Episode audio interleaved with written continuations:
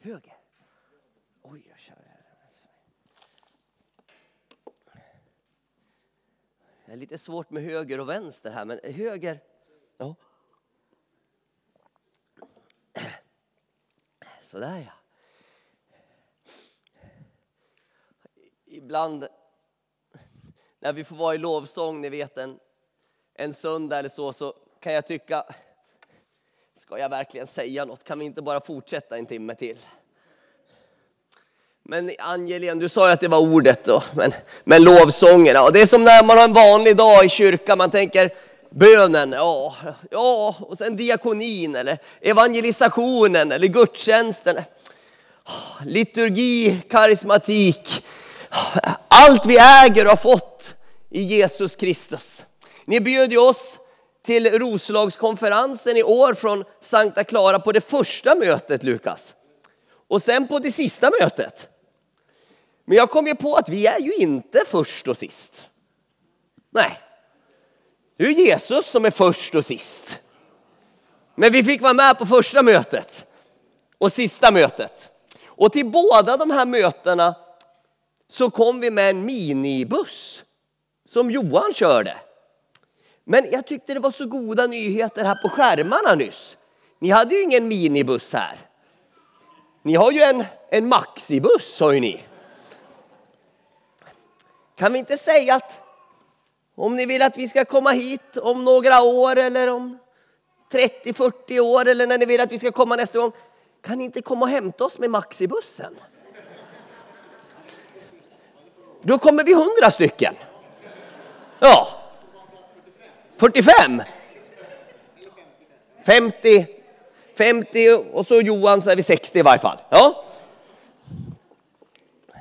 Jag tänkte om jag skulle få börja och bara nämna några korta saker som ligger på mitt hjärta för vad vi kan fästa blicken på framöver. Det bäst, den bästa alla kategorier är ju han som var först på Roslagskonferensen och sist, nämligen Herren Jesus Kristus, alfa och omega. Och även på skärmarna nu för tiden, på bioscenen, så syns han lite tydligare. Hur många av er har sett den här filmen på bio? Men kära någon, det är ju 64 procent.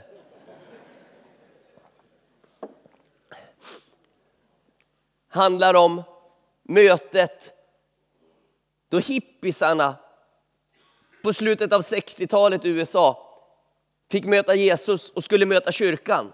Och det blev två omvändelser. Den ena var ju att man fick komma till Jesus.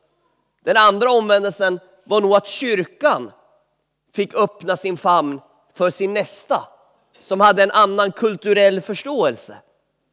Och där skedde en till omvändelse. Den här rullar lite till i Sverige. Vi är så glada att mer än 40 000 har sett den. Och jag hoppas att 100 000 skulle kunna se den.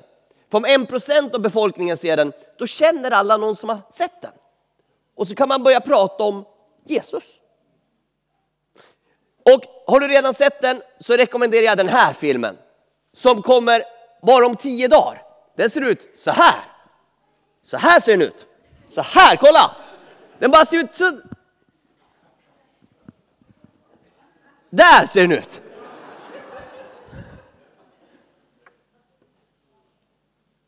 Sound of freedom. Vad skulle en Jesusrevolution kunna leda till? Jo, det måste ju bli ett rop på frihet. Den här filmen handlar om det kanske allra värsta som händer på jorden. Alltså människohandel, trafficking. FN som en hyfsat stor organisation i världen och har väl rätt så bra anseende och inte brukar överdriva siffror. FN beräknar att 2021 såldes 27 miljoner människor i världen. Det är alltså ungefär som om Norden skulle bli sålt i år. Som slavar. Slavhandeln nu för tiden är större än när den var laglig förr i tiden. Det handlar den här filmen om. Med meningen Guds barn är inte till salu. Vad tycker ni om det? Inte till salu. Och så blev det så att den här lilla filmen, tydligen i USA, kom den som en sleeper sa man. En film man inte hade någon särskild förväntan på. Och så har fler sett den här än Indiana Jones. Och fler har sett den här än Mission Impossible. Det tänkte jag var rätt så impossible. Men det har tydligen hänt. Hoppas vi får lyfta det här ämnet i Sverige och vara med och hugga av den här grenen från världshistorien som är människohandel. Bort ska den!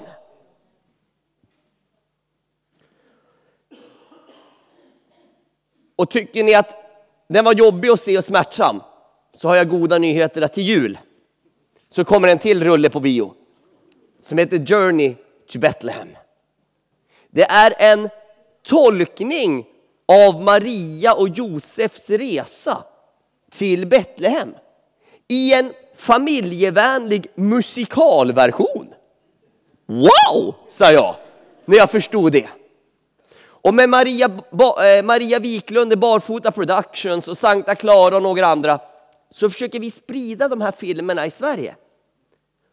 Och nu har vi ju med Guds nåd och människors hjälp faktiskt fått en liten start, en liten era med faith-based movies.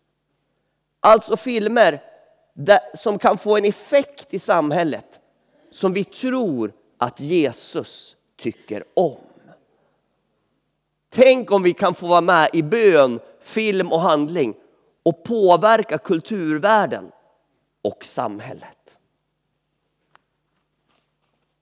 Nu vänder vi oss till den första och den sista. Alfa och omega. Och jag tänkte vad man då skulle tala på det sista mötet här. Och det som har stannat mest i mig, bland allt jag skulle velat säga er om jag skulle fått predika en 10-12 timmar här idag. Jag kommer ihåg när jag var på gudstjänst i Etiopien, i Addis Abeba för ett tag sedan, så var det några som var så besvikna för gudstjänsten var bara tre och en halv timme. De tyckte att det var lite torrt.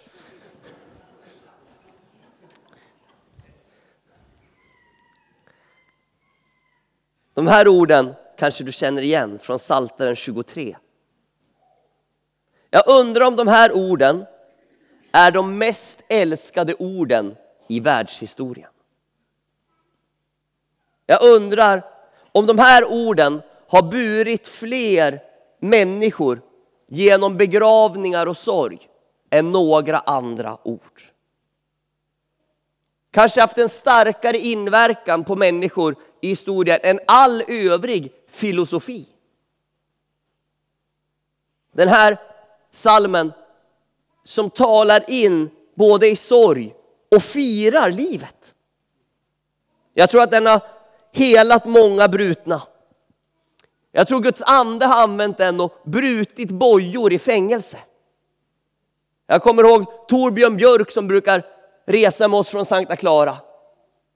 Han sa när han satt på sin sista fängelsevända och inte visste hur han skulle orka psykiskt.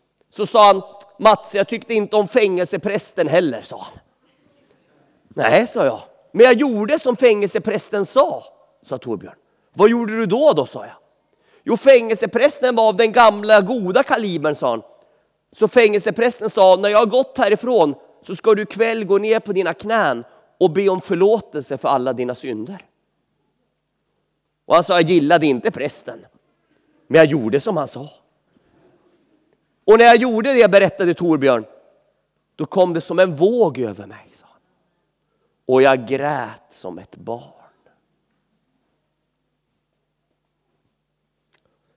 Många i Stockholm i ensamhet och psykisk ohälsa har hittat en tillflykt här i Guds ord. Hur Gud använder sitt ord för att leda människor rätt. Ska vi sjunga den tillsammans en gång? Om vi bara tar raden som börjar med Herren. Är ni beredda? Herren är min herde. Vad tycker ni om den starten? Ja. Den är så bra.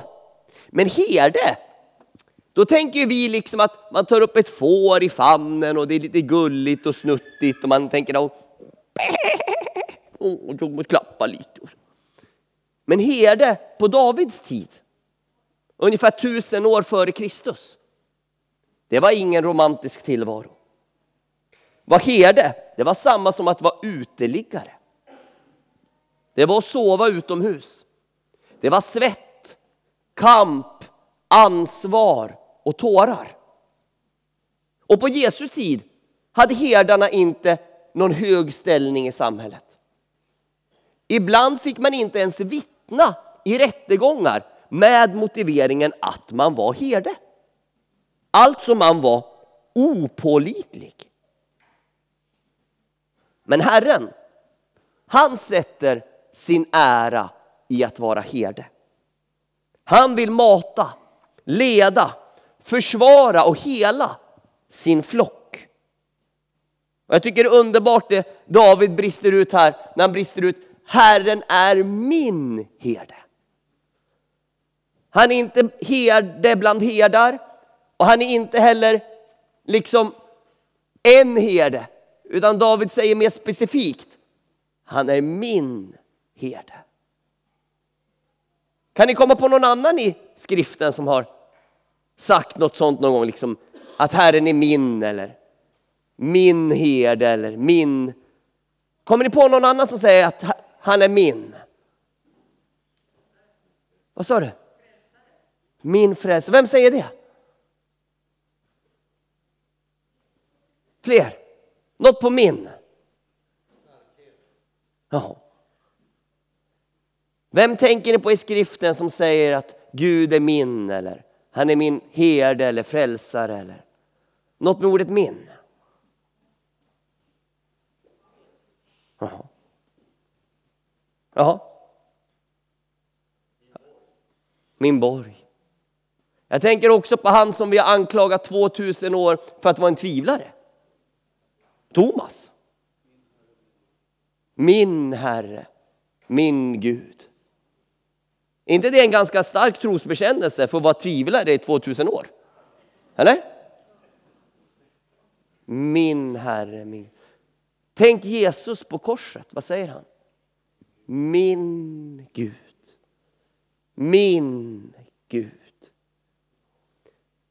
Jesus som har varit anklagad för det mesta anklagas kanske ibland för att vara en tvivlare när han säger min Gud, min Gud, varför har du övergivit mig? Men i den mörkaste stunden i världshistorien kör han ju en dubbel trosbekännelse. När han säger det två gånger. Min Gud, min Gud. Om vi har en positiv bild av Herren är min herde. Vad tycker ni om den andra raden efter den då? Ska vi sjunga den tillsammans? Den som börjar med mig. Är ni beredda? Mig ska Vad tycker ni om den? Är det så det är till vardags? Eller? Säger ni? Got it all? Inget fattas mig? Är det inte så istället att du har 24 behov och bönämnen och utmaningar, eller? Eller är det så att inget fattas dig? Men du vet, Gud, han är inte liten. Han är paradoxernas Gud. Han är stor. Och det går väldigt bra ihop att du har mycket på hjärtat, många böneämnen och mycket nöd och samtidigt stämmer in i att ingenting fattas mig. Det går ihop. Det går ihop för det här är en proklamation som David brister ut i en trosbekännelse där han säger att jag vägrar säga att du inte är med mig. Jag vägrar säga att du är snål Gud. Jag vägrar säga det som är falskt. Jag vill vara i tacksamhet, Herre. Jag tror att David här predikar en välsignad begränsning. När han säger inget ska fattas mig. Gud kan välsigna så att man lever tacksam och nöjd med det man har fått. Och vilken motkraft det är, känner ni det? Mot mycket av samhällsandan som säger att du måste ha den här telefonen. Eller du måste ha den här tandkrämen. Eller du måste ha den här bilen. Annars är det ju kört för dig. Ja. Men det måste du inte ha. För Herren är ju din herde. Han kommer att skydda dig, mata dig och leda dig rätt. Så du behöver inte det andra. För ingenting ska fattas dig. Vilken motkraft! Redan Adam och Eva missar ju tyvärr det där med att det är nog det som Gud ger mig. Och det lägger David ut här i de kommande verserna. Hur Gud fyller våra behov och leder oss så att vi kan vila. För ibland brukar någon säga så här, du det är viktigt att du åker hem. Jag hörde någon säga någon gång, idag måste jag skynda mig hem så jag hinner vila. Ja, sa jag. Lycka till! Ni vet vila, det är inget man bara kan liksom alltid göra för att man har en kvart över. Om det är mycket sjukdom, konflikter, hunger och rädsla, då är det svårt att vila. Men han låter mig vila. Han för mig till vatten. Han gör så att jag finner ro för min själ. Då kan jag ju vila. Undrar om David här beskriver att Gud mättar och möter oss på alla plan. Våra fysiska behov av mat och vila. Våra psykiska överväganden och vår själ. Han låter mig vila vid lugna vatten. Han ger liv åt, mig själ, åt min själ. Han leder mig på rätta vägar för sitt namns skull. Alltså han tar i alla dina fiender. Han tar i din oro, ångest, press, stress och alla andra dess hundra kusiner. Han. Och den där versen från David, för sitt namns skull. Har du också dribblat bort det någon gång och tänkt att det är liksom ditt namn som gäller? Men tänk om det inte är ditt namn som är på spel på 2020-talet i Alunda. Tänk om det är hans namn som är på spel. I din familj, på din arbetsplats, i din skola, i din kyrka. Tänk om det är hans namn.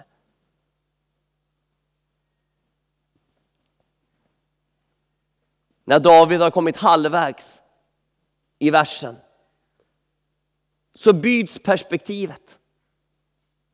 Och så kommer en av de allra mest kända verserna i Bibeln. Ska vi läsa den tillsammans? Även om jag vandrar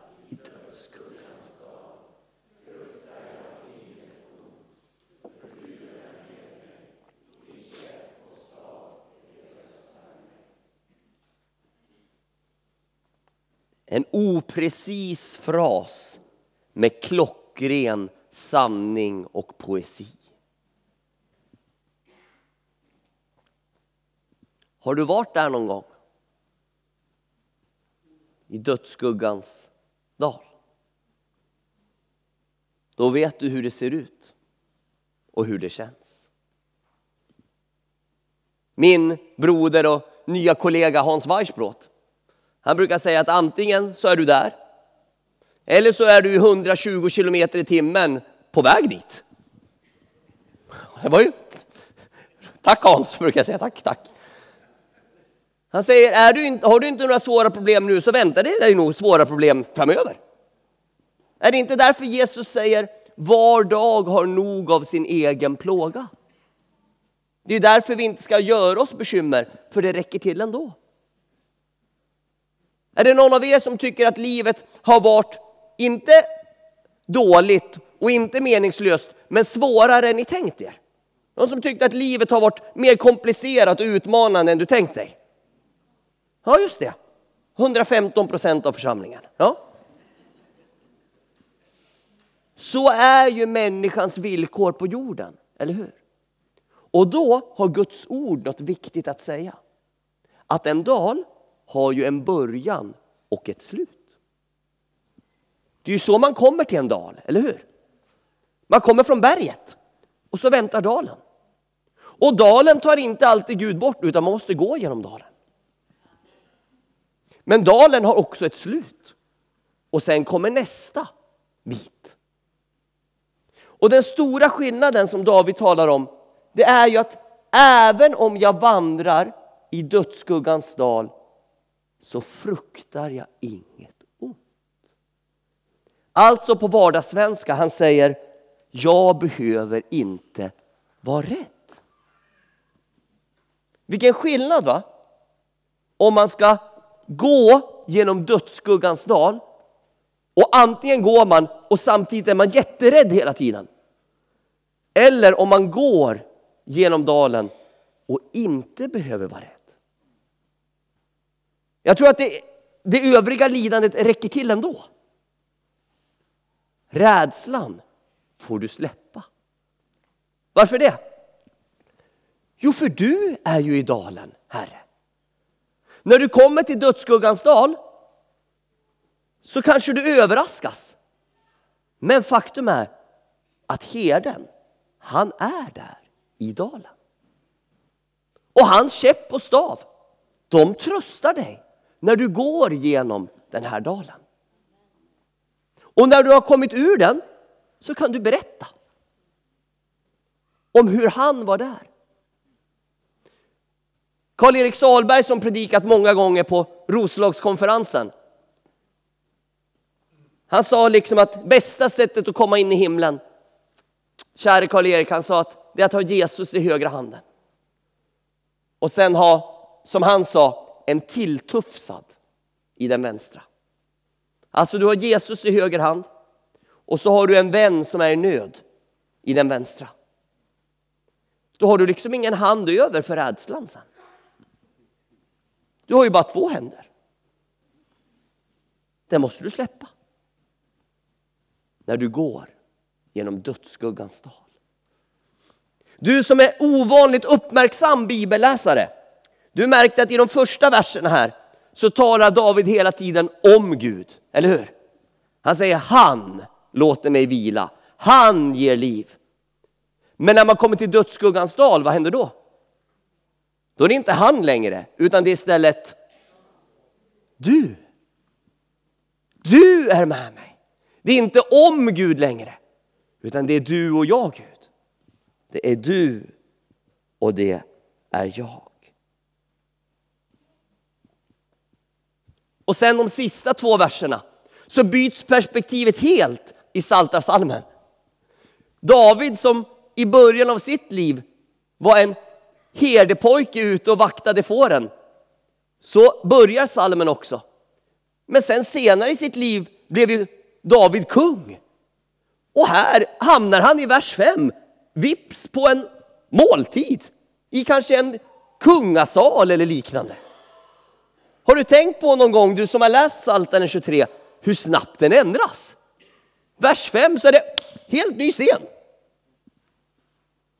Du dukar för mig. Jag ska vi sjunga den tillsammans? Vi sjunger den med första versen i starkaste stämmor här. Är ni beredda? Du dukar för mig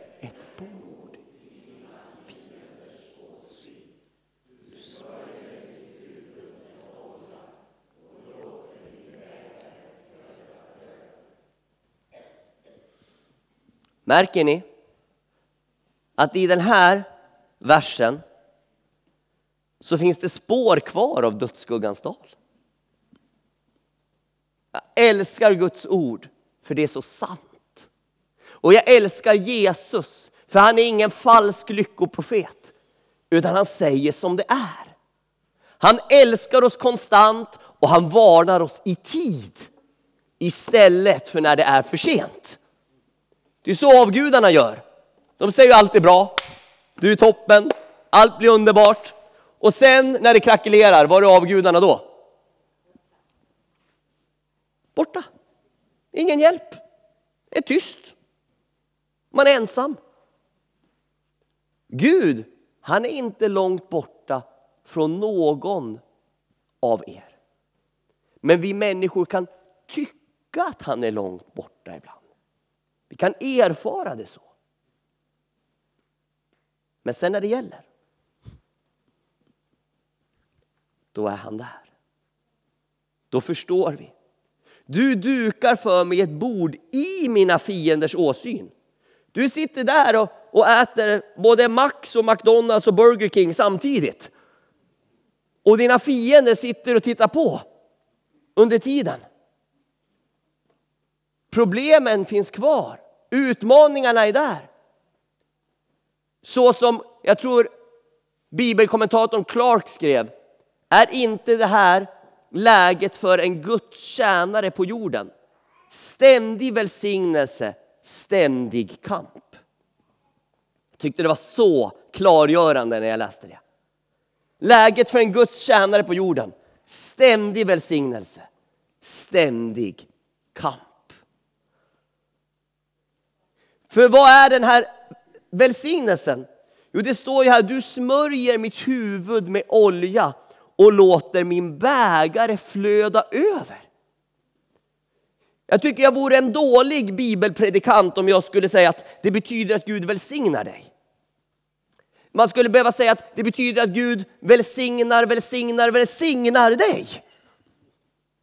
Det är nyansen som finns här.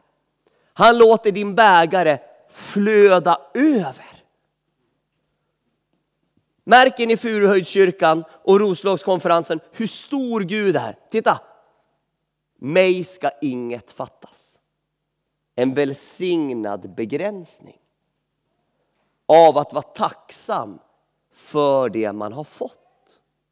Istället för bara otacksam över allt det som andra har fått. Och sen, den här välsignelsen, det som bara flödar över på oss och är mer och mer och mer. Sådan är också Gud. Lär känna honom och alla hans egenskaper. Tycker du att han är liten, då har du fått en dålig undervisning. Han är så stor. Han är så stor så salmen avslutas i den här versen. Ska vi sjunga den tillsammans? Ja, godhet och nåd ska följa mig.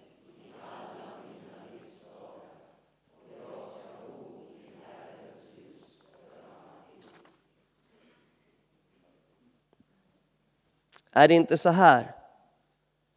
Är det inte så här det kommer att bliva? Det är en av de bibelverser jag tror jag sagt oftast till människor när jag bett för dem i Sankta Clara under de senaste 20 åren. Så har jag sagt, Guds godhet och nåd ska följa dig alla dina livsdagar. Ja, vi är, vi är ju, vi är ju, det kanske är lite internationellt på den här konferensen, men en sak som jag noterade när jag läste lite internationella översättningar, engelska och några andra på den här versen, det var faktiskt att, jag vet inte hur jag ska säga det här nu, spelas det in det här?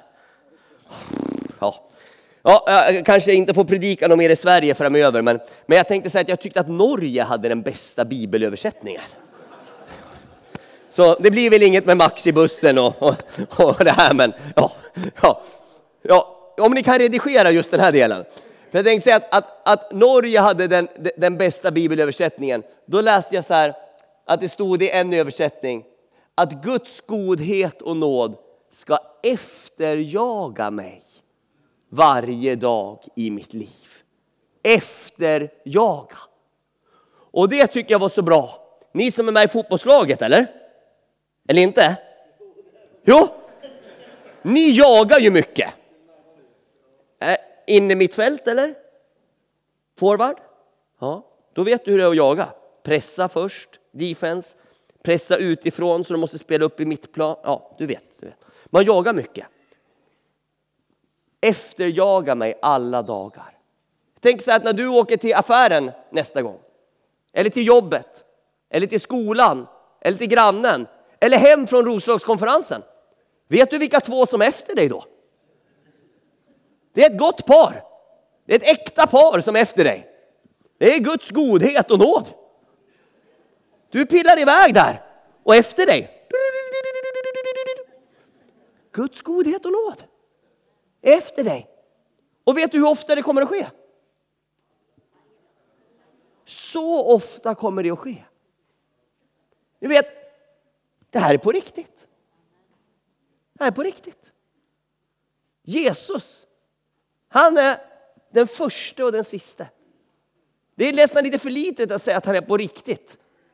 Tänk att han kunde bli människa. Och som det står på förklaringsberget, liksom, när, han, när han började stråla så tänkte människor wow, tänk att han strålar. Det fantastiska var ju inte att han kunde börja stråla, det fantastiska var att han kunde sluta att stråla och bli född som människa i Betlehem och begränsa strålningen en liten tid. Han är den strålande, den klara morgonstjärnan. Och hans godhet och nåd kommer att följa dig varje dag i ditt liv. Vet du vad? Din framtid det är att han är din herde och inget kommer att fattas dig. Och det går bra ihop med att du har 30 människor och 24 bönämnen på hjärtat. Det är en del av det livet. Och han kommer att låta dig få vila. Han kommer att ge liv åt din själ. Och han kommer att hjälpa dig att förstå att din framtid handlar om hans namn. Och när du behöver gå igenom dödsskuggans dal nästa gång, då behöver du inte vara rädd den gången. Det är ingen trevlig vandring, men du kan gå utan rädsla den gången. Och han, han kommer att låta sin välsignelse flöda över dig och ge dig mer än du kan drömma om. Varje dag i ditt liv kommer hans godhet och nåd att efterjaga dig. Så du ska få bo i Herrens hus för alltid. Amen.